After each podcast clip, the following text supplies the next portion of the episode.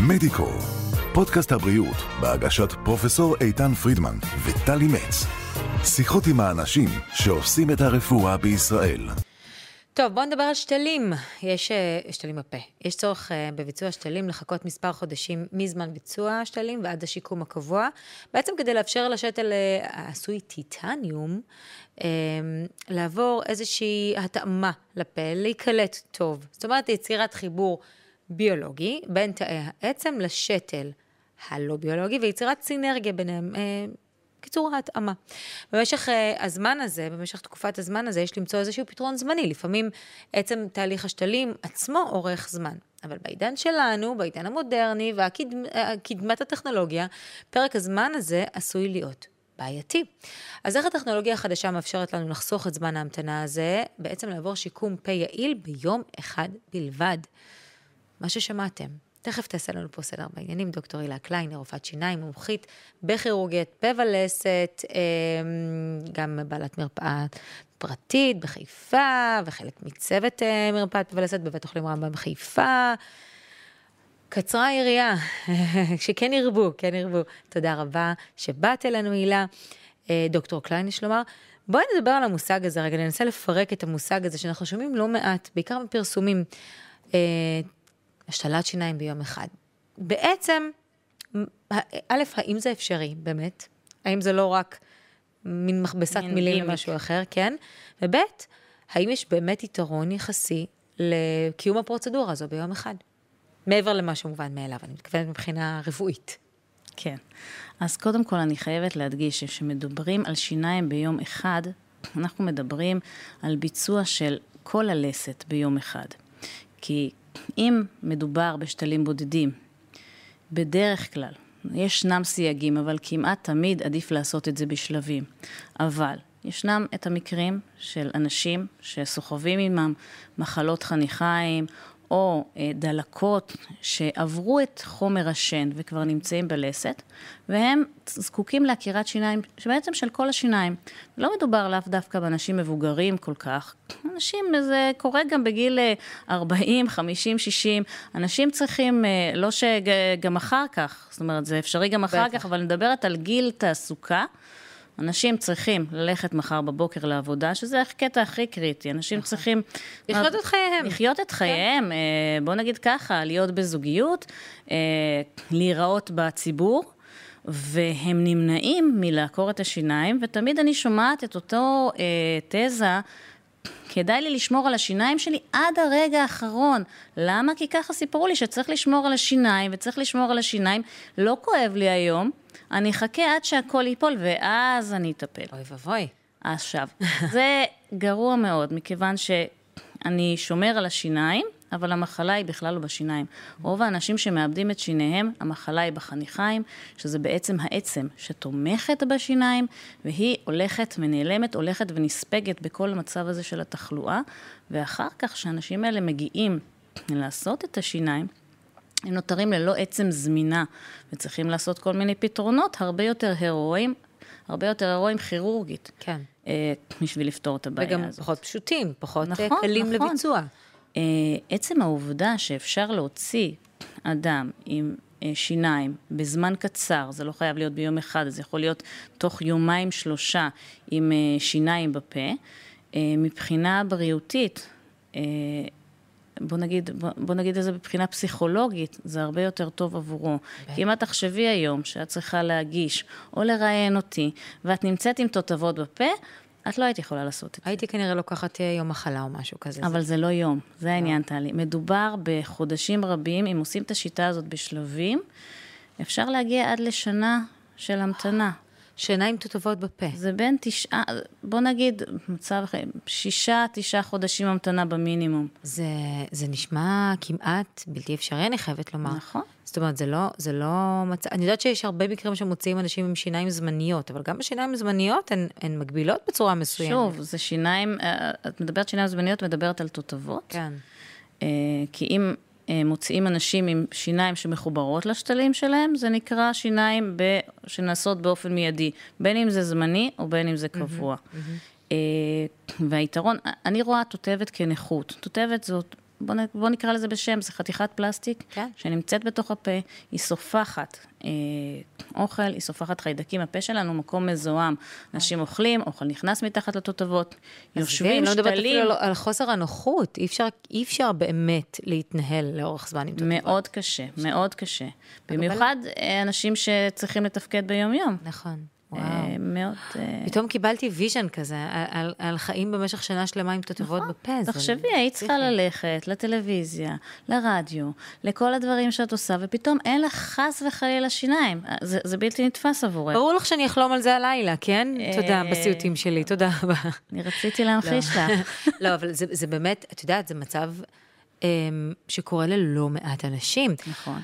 טוב, בואי נתמקד רגע בטוב, בצד הטוב. איך זה בעצם מתאפשר לעשות את, את כל הפרוצדורה הזו, שאת אומרת שלעיתים לוקחת שנה ואף יותר, mm-hmm. ביום אחד? איך, איך בעצם קלינית זה מתאפשר? אוקיי. המילה העיקרית פה זה חלוקת עומסים. Mm. אה, אנחנו מדברים פה על לסת שלמה, וכדי לשקם לסת שלמה בזמן קצר או ביום אחד, רצוי מאוד לבצע מינימום שמונה שתלים.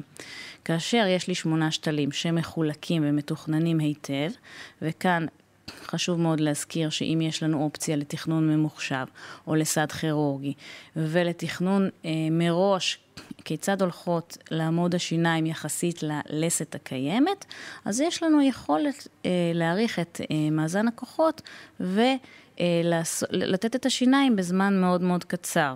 כי זה גשר אחד שהוא מוברג כן. על כל השיניים, וכמובן שאותו אדם שעשה את השתלים האלה, זה נכון שהוא מקבל את השיניים ויש לו את החיוך ואת האסתטיקה והוא יכול לדבר וכולי, מבחינת לעיסה הוא מוגבל את המספר חודשים שלוקח להם להיקלט.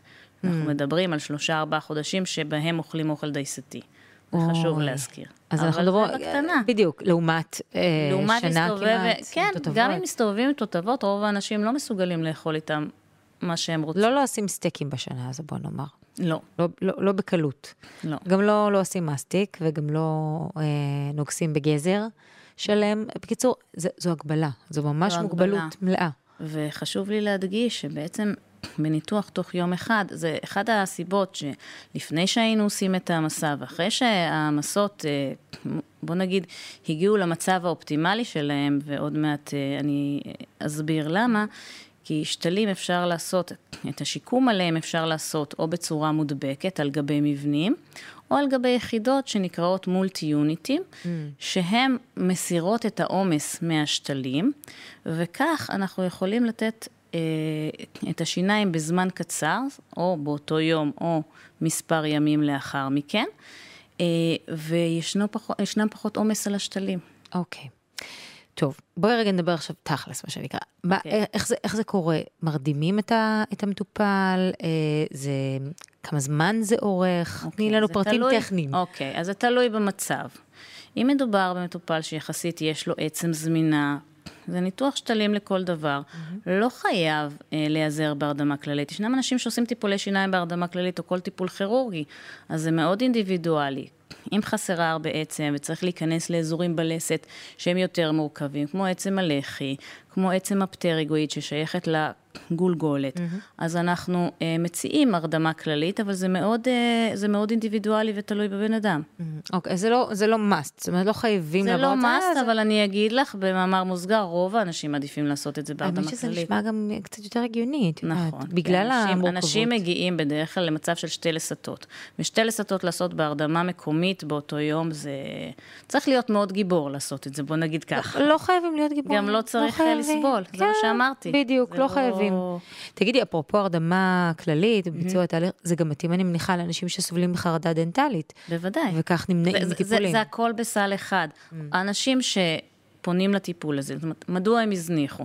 אחד, הם מאוד פחדו, אז הם פשוט לא רצו לגשת לרופא שיניים, ולאט לאט המצב הידרדר עד שהם הגיעו לאין ברירה. בדיוק. או אנשים שפחדו, עכשיו אני אשאר ללא שיניים, לא כי הם מפחדים מטיפול שיניים, מהקונספט הזה, כן. שעכשיו אני אצא עם תותבות, אני לא רוצה להיכנס בכלל אה, לסיפור הזה. אה, זה רוב האנשים. תגידי, אה, אחוזי הצלחה של תהליכים כאלו? שוב, אני אגיד מה שאני אומרת תמיד, אם זה מתוכנן נכון, כן. וחשוב מאוד לעשות תכנון ממוחשב במקרים כאלה, כי אנחנו רוצים אה, מעבר לזה שהשתלים ייקלטו ושיהיה שיקום והכול, שזה גם יהיה אסתטי. בטח, ושזה זה גם יהיה חשוב. פונקציונלי.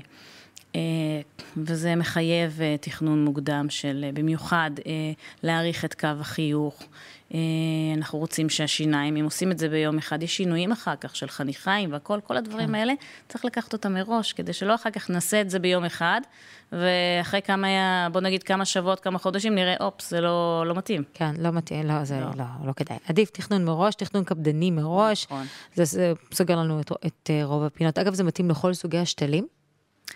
האם זה מתאים לכל סוגי השתלים? כל השתלים שיכולים לקבל עליהם את החלקי העל שנקראים מולטי יוניטים. Mm-hmm.